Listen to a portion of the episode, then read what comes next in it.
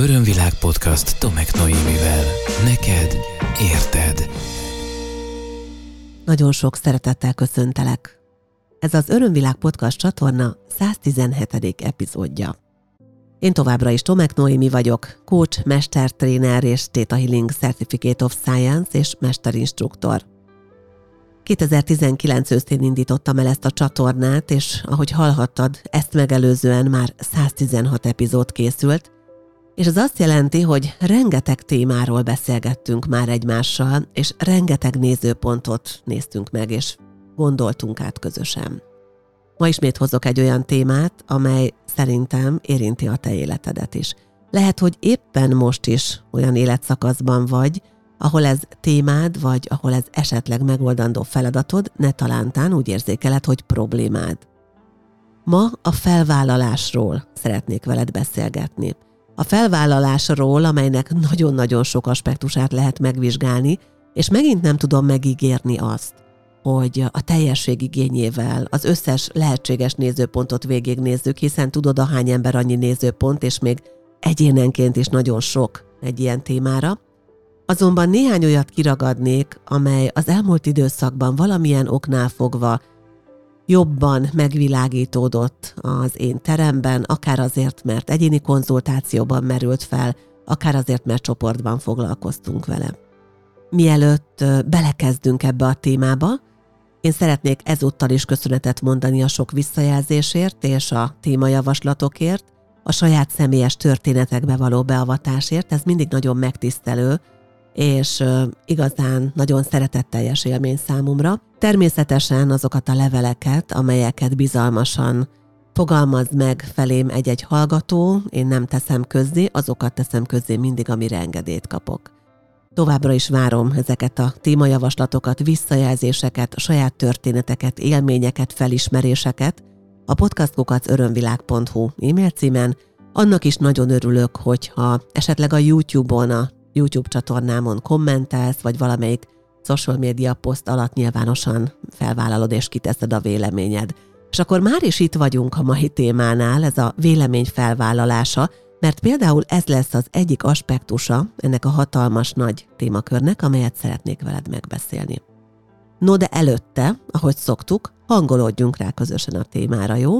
Kérlek szépen, hogy egy kicsit állj meg, kicsit lassíts le legalábbis, hogyha éppen olyan dolgod van, amiben megállni teljesen nem tudsz. Én most is azt kérem, amit minden alkalommal unos-untalan ismételek, hogyha lehetséges, akkor tényleg függeszt fel legalább erre az egy-két percre azt a tevékenységet, amit éppen csinálsz a podcast hallgatásán túl, és amennyiben ez lehetséges számodra lehúnyt szemmel, kicsit befelé figyelve, jobban önmagadba beérkezve válaszolj azokra a kérdésekre, amelyeket most felteszek neked. No hát akkor nézzük, hogy mik a mai elgondolkodtató és témát felszírre húzó vagy hozó kérdéseim. Az első mindjárt az, hogy mi indult be benned abban a pillanatban, amikor már korábban kimondtam itt a bevezetőmben azt, hogy a mai téma a felvállalás lesz.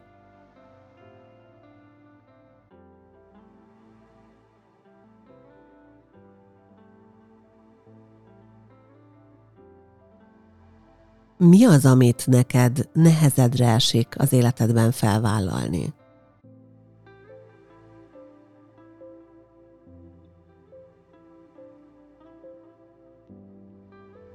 És miért? Miért olyan nehéz ez?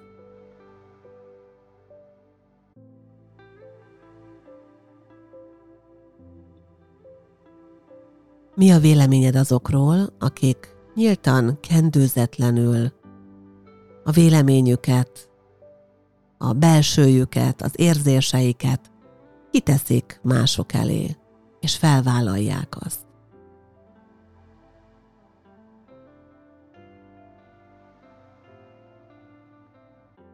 Szerinted, ha valaki minden szinten felvállalja a gondolatait, az érzéseit, önmagát, a véleményét, akkor ő őszinte vagy vakmerő? Melyik inkább?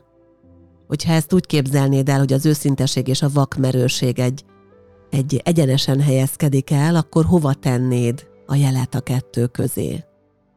Inkább vakmerő, inkább őszinte. Vagy csak az egyik a másik. Képzeld el magad előtt ezt a kis csúszkát, vagy ezt a, ezt a vonalat.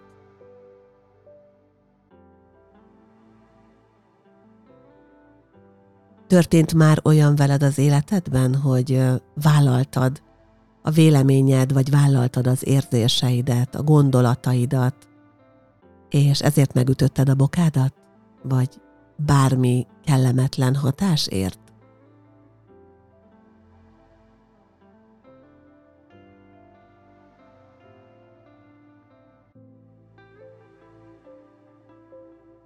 Volt már olyan, hogy mások vállalták a veled egyébként azonos véleményüket, de te nem mertél ugyanúgy kiállni, odaállni és felvállalni azt?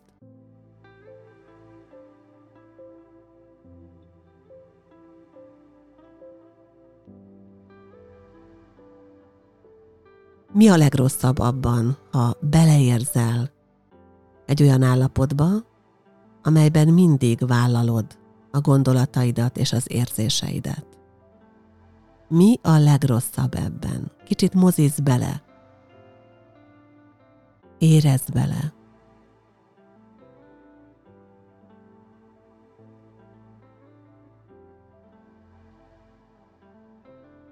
Szerinted mi történne, ha mindenki vállalná nyíltan, szabadon és őszintén azt, hogy ő mit gondol és ő mit érez?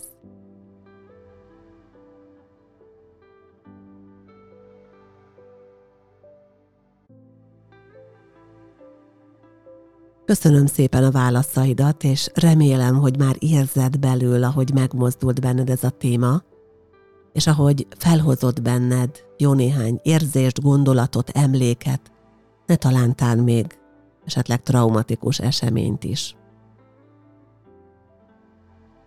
Nagyon kíváncsi voltam arra egyébként, hogy ki mit gondol amúgy is a környezetemben a felvállalásról, és néhány embert az elmúlt napokban megkérdeztem erről, és nagyon érdekes, mert volt, akinek a magánélete miatt rögtön az jutott eszébe, hogy, hogy most már hosszú-hosszú hónapok óta találkozgat valakivel, és csak mind a kettőjüknek a másik van, de a partner úgymond, akiről nem lehet tudni, hogy partnere, nem vállalja fel őt.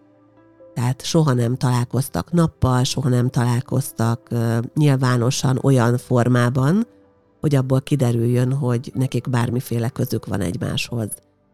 Aztán a felvállalás kapcsán egy másik impulzus, ami a kérdésemre érkezett, az az volt, hogy, hogy manapság nagyon problémás felvállalni az embernek azt a véleményt, ami esetleg a mainstream-mel vagy a, a nyilvános közbeszéddel nem azonosul. És nagyon érdekes, hogy éppen amikor ma ezt az adást rögzítem, akkor 2022. március 15-e van, ugye 16-án megy majd ki ez az adás, ez az epizód, és éppen ezekben a pillanatokban két hatalmas nagy menet vonul Budapesten, és ez a két menet, ez két, azt mondhatnánk, hogy ellentétes véleményt, vagy egymással ellentétes pólust képvisel. És nagyon sokan vannak az egyik oldalon, és gondolom mindenki kitalálja, hogy melyikről beszélek, akik egyébként nem szoktak eddig együtt vonulni annak az oldalnak a, az energiájáról beszélek. Nagyon sokan vannak, akik egyet értenek, de nem mernek menni, nem mernek kimenni, valamiért nem merik ezt nyilvánosan felvállalni. És egy picit itt meg is állnék, hogy először induljunk egy nagyobb szintről, jó? Tehát arról például, hogy vajon kell-e ahhoz, a te véleményed szerint, egy többségi jóváhagyás, hogy felmerd vállalni, hogy felmerjük vállalni a véleményünket. Kell-e ahhoz az, hogy a többség egyetértsen vele, hogy ezt meg lehessen tenni, úgymond büntetlenül?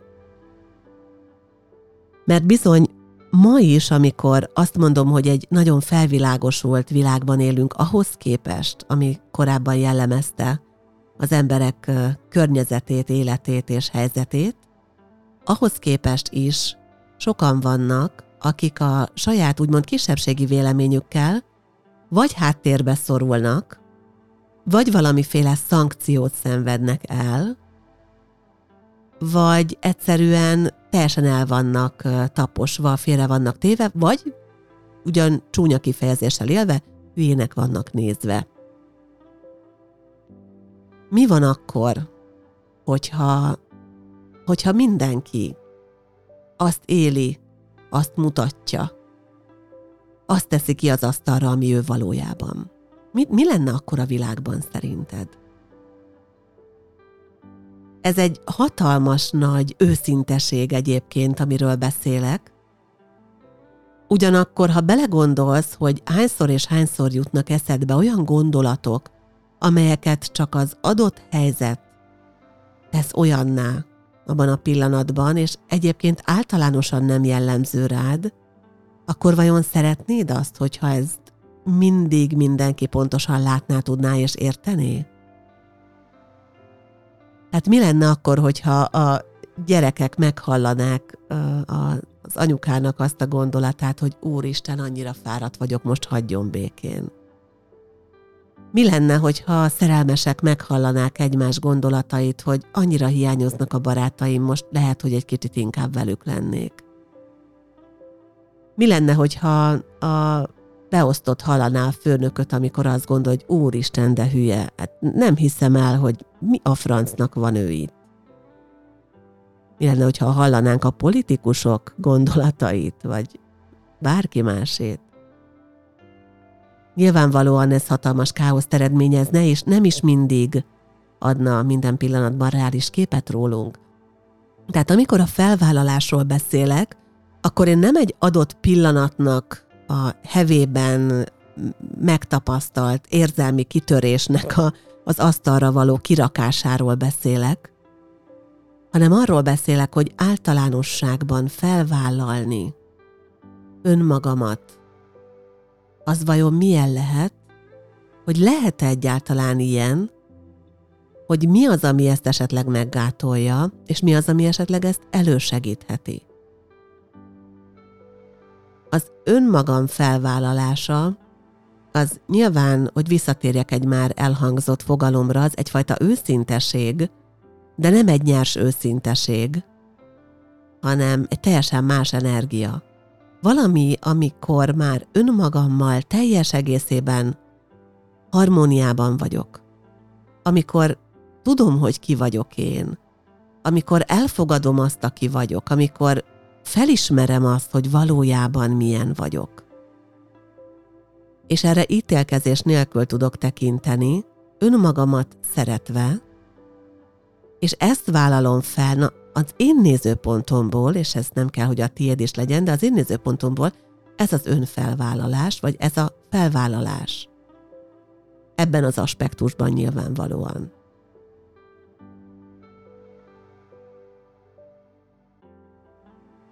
És hogy mi kell ehhez?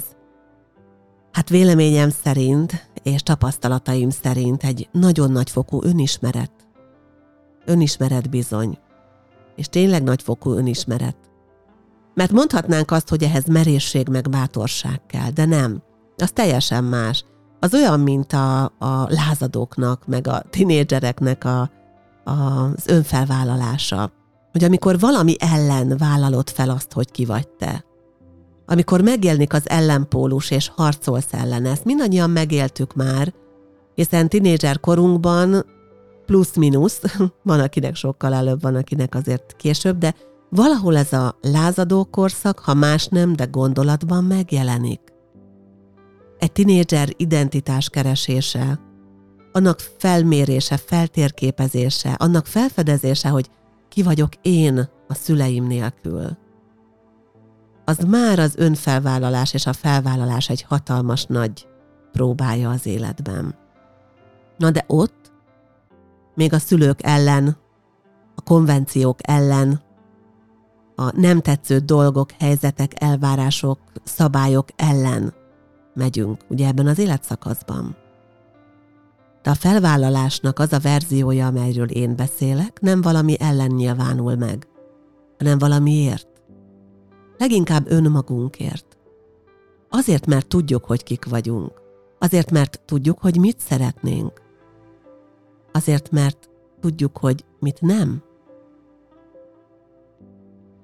De ez nem a nemet mondás önmagában, hanem egy hatalmas nagy igen saját magunkra.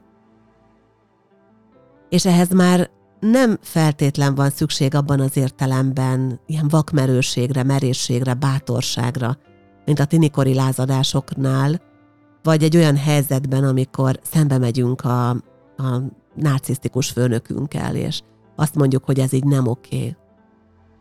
Vagy lázadunk a rendszer ellen. Nem.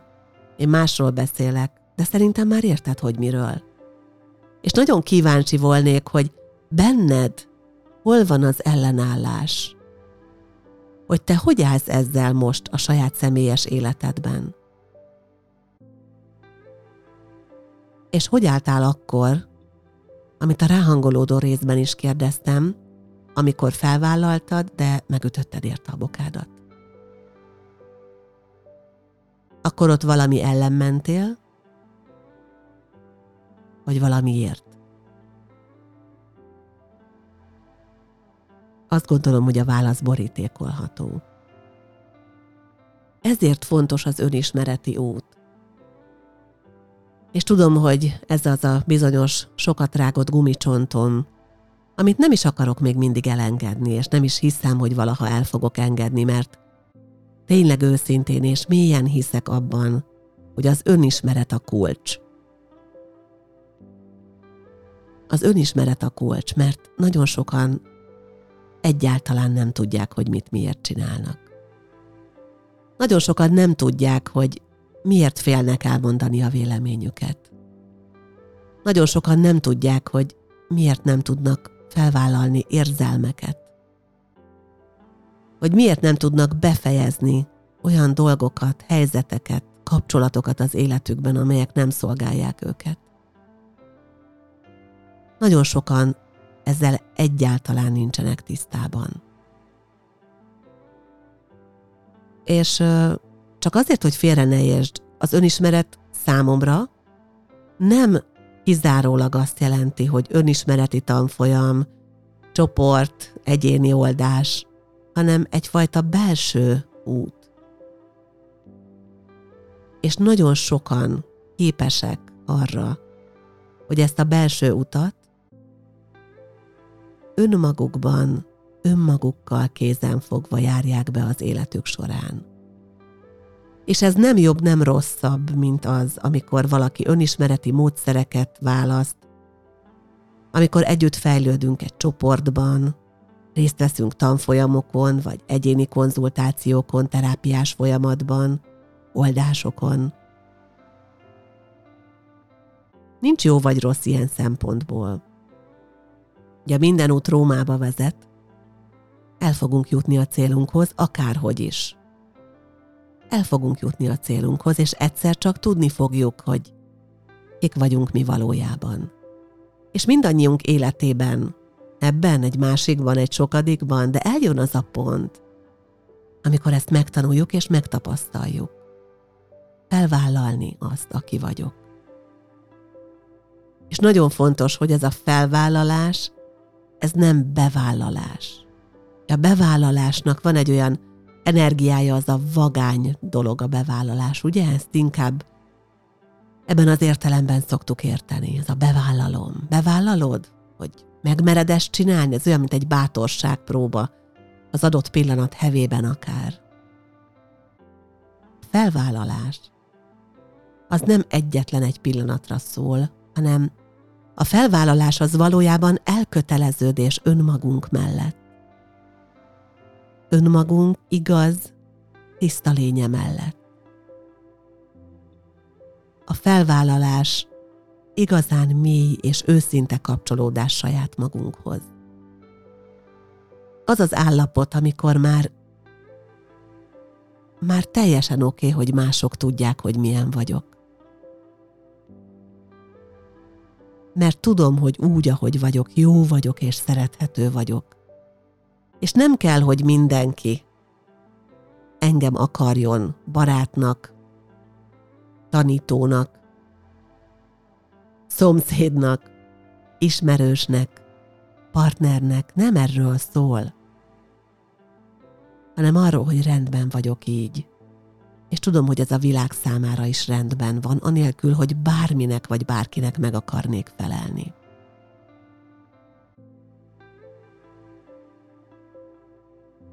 Megint csak vissza kell kanyarodjak oda, hogy önismeret.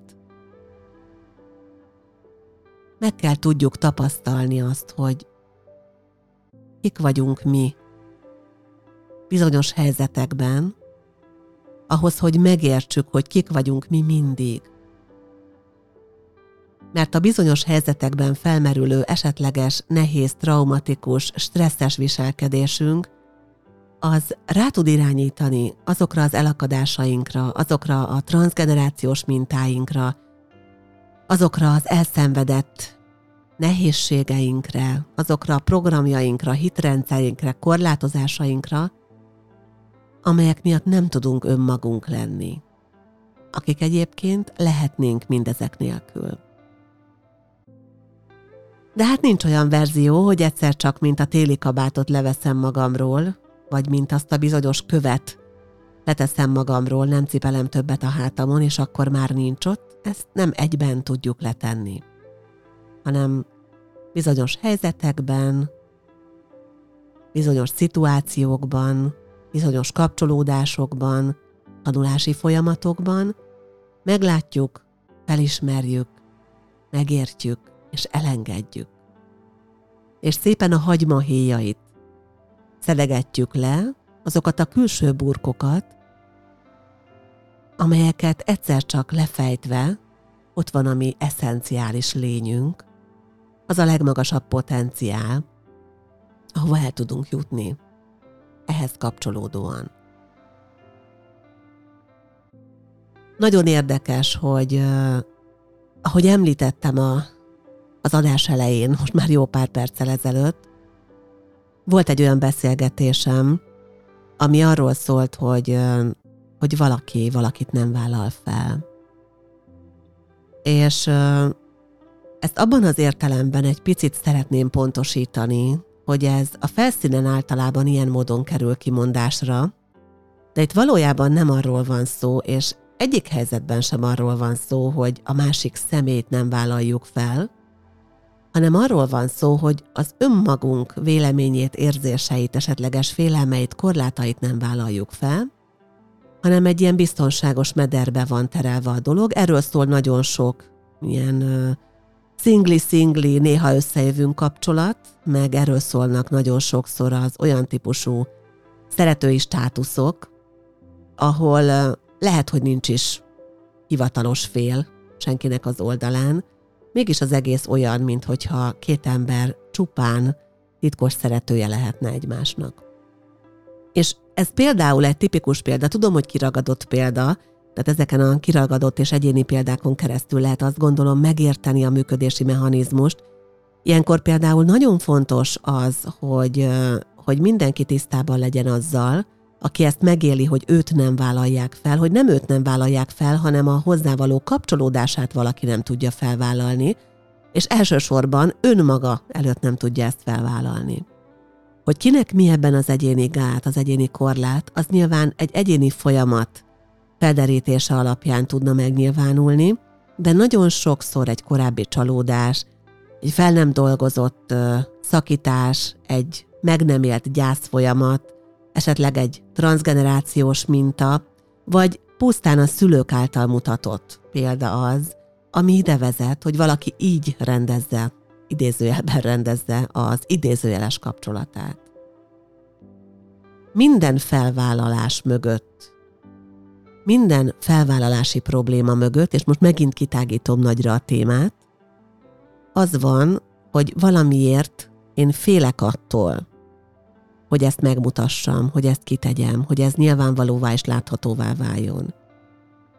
És van egy nagyon egyszerű módja annak, azt hiszem talán egyszer, mintha már nyilvánosan, már mint hogy a, annyira nyilvánosan, hogy podcastben, és nem, nem Téta Healing tanfolyamon emlegettem volna azt, hogy a félelmeink kapcsán tudunk úgy dolgozni, hogy a félelem mögötti félelmet, az a mögötti félelmet és az a mögötti félelmet és a gyökérfélelmet megtaláljuk.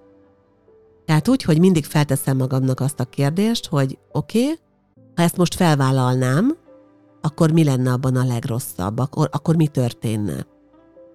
És akkor mi történne, és akkor mi történne, és kérdezgetem, kérdezgetem, és valahol a sor végén egyszer csak meg fog mutatkozni a valódi félelem.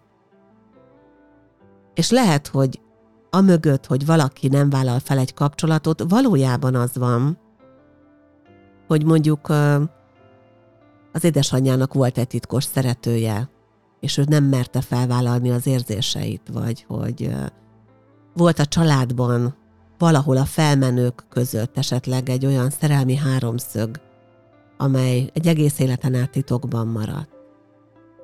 Vagy lehet, hogy van egy elutasítás, amikor valaki valakinek felfedte az érzéseit, és nem nyert viszonzást.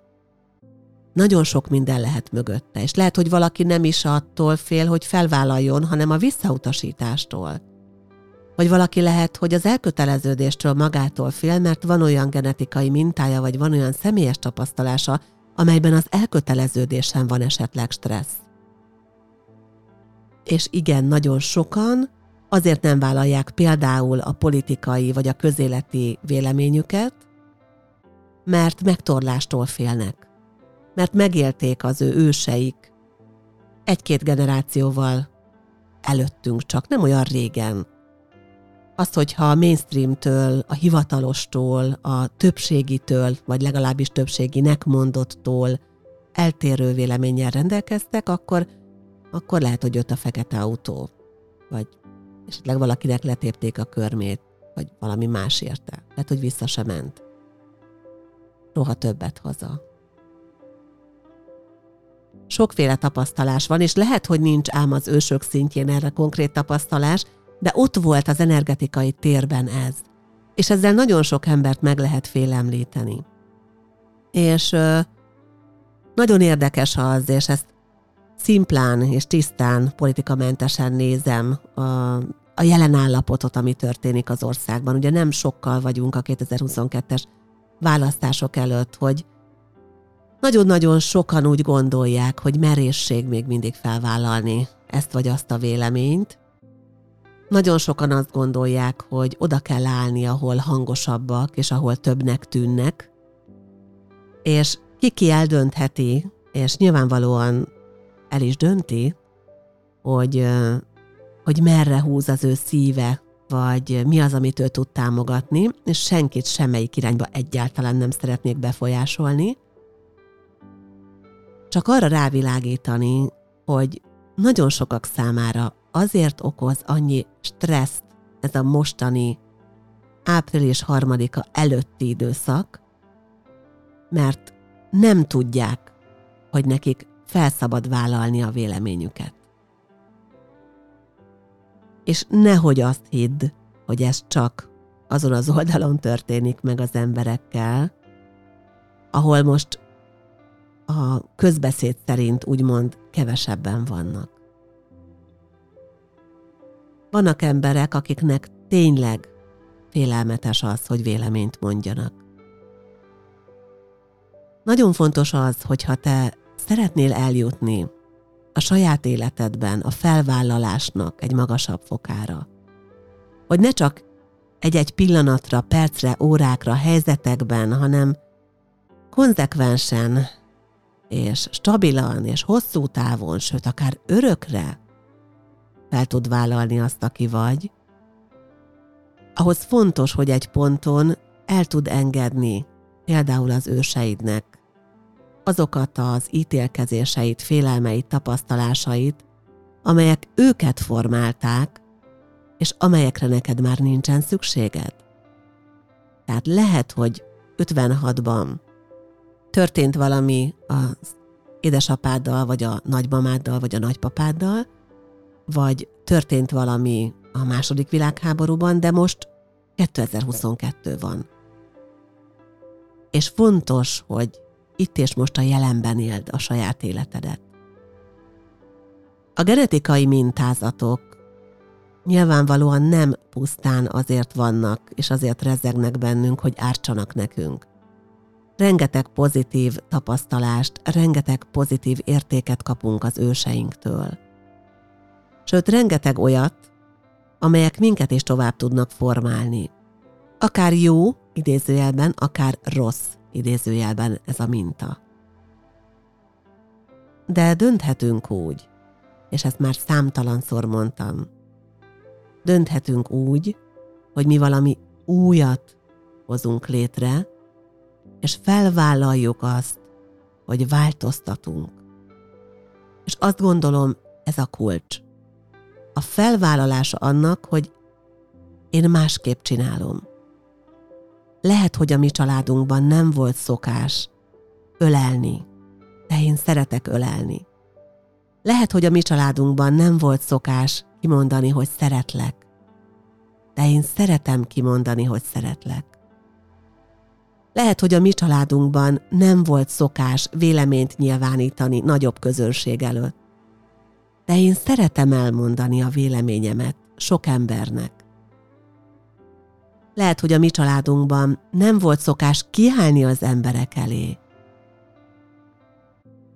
de én úgy érzem, hogy fontos kiállnom az emberek elé. És biztos vagyok benne, hogy ahogy ezt lépésről lépésre mindannyian megtesszük a saját életünkben, a saját felvállalós témáink vonatkozásában úgy egyre boldogabbak, egyre örömtelibbek, egyre könnyedebbek, egyre inkább teljesek leszünk. Én kívánom neked, hogyha van ezzel feladatod, akkor tud megoldani. Hogyha van olyan témád, amit most nem bírsz még vállalni, akkor egyszer csak eljuss oda, hogy, hogy megmert tenni, és már nem csak úgy, hogy felszívod magad, és előszeded minden bátorságodat, hanem úgy, hogy ez könnyed és természetes számodra. Javaslom neked, hogyha ez még nehézségekbe ütközik, akkor válaszd az önismeretnek azt a módját, amely téged segít eljutni önmagadhoz, és a valós lényedhez, és ahhoz, hogy azt fel tud vállalni. Ha úgy érzed, hogy ebben segíthetek neked bármilyen módon, akkor keres bizalommal, megtalálsz Székesfehérváron az Örömvilág Tudatosság Központban, amelynek hollapján a www.örömvilág.hu a programok között ott vannak személyes, és inkább túlnyomó részt egyébként online eseményeim. Ugyanitt megtalálod kollégáim programjait, eseményeit, őket is nagyon nagy szeretettel ajánlom, hiszen nagyon széles spektrumú segítő rendszerrel várunk téged is, hogyha úgy érzed, hogy fejlődnél, letennél, elengednél, változtatnál, emelkednél.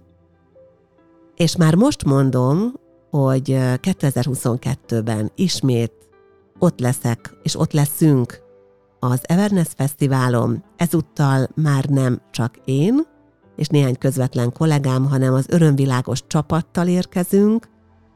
Nagyon sok témával, több egybefüggő helyszínnel egy hatalmas nagy területen várunk majd, sok-sok sátrunkban, és remélem, hogy akár ott, akár az online térben, akár bárhol máshogy találkozunk egymással. És a végére még egy nagyon aktuális programajánlatot szeretnék megosztani veled, hogyha frissen, iziben hallgatod még március 18-a előtt az adást, vagy legkésőbb 18-án, akkor szeretettel invitállak a 2022-es első 10 milliószoros napi ingyenes élő online meditációmra, amelyet a Tomek Noémi Facebook oldalamon, hivatalos Facebook oldalamon tartok. Az eseményt ugyanúgy megtalálod az események között, csak kérj egy emlékeztetőt, vagy jelezd, hogy ott leszek, és látni fogod, amikor indul az adás 2022. március 18-án este fél nyolckor. Az ilyen és ehhez hasonló meditációkat már évek óta tartom, ez most már hagyomány volt, hogy 1100-1200-an meditáltunk együtt egy-egy ilyen alkalmon, Én bízom benne, hogy most is nagyon sokan leszünk, és például, ha úgy érzed, akkor hozhatod akár azt a témát is magaddal, hogy manifestálod azt az önmagadat, aki minél inkább szereti, ismeri és felvállalja azt, aki, és minél teljesebb és boldogabb életet él. Köszönöm szépen, hogy ma is velem tartottál, szeretettel ölellek. Remélem találkozunk legközelebb is. Ez volt az Örömvilág podcast Tomek Noémivel. Hétről hétre új témák, érdekes nézőpontok a tudatosság útján járóknak. www.örömvilág.hu Témát ajánlanál? podcastkukac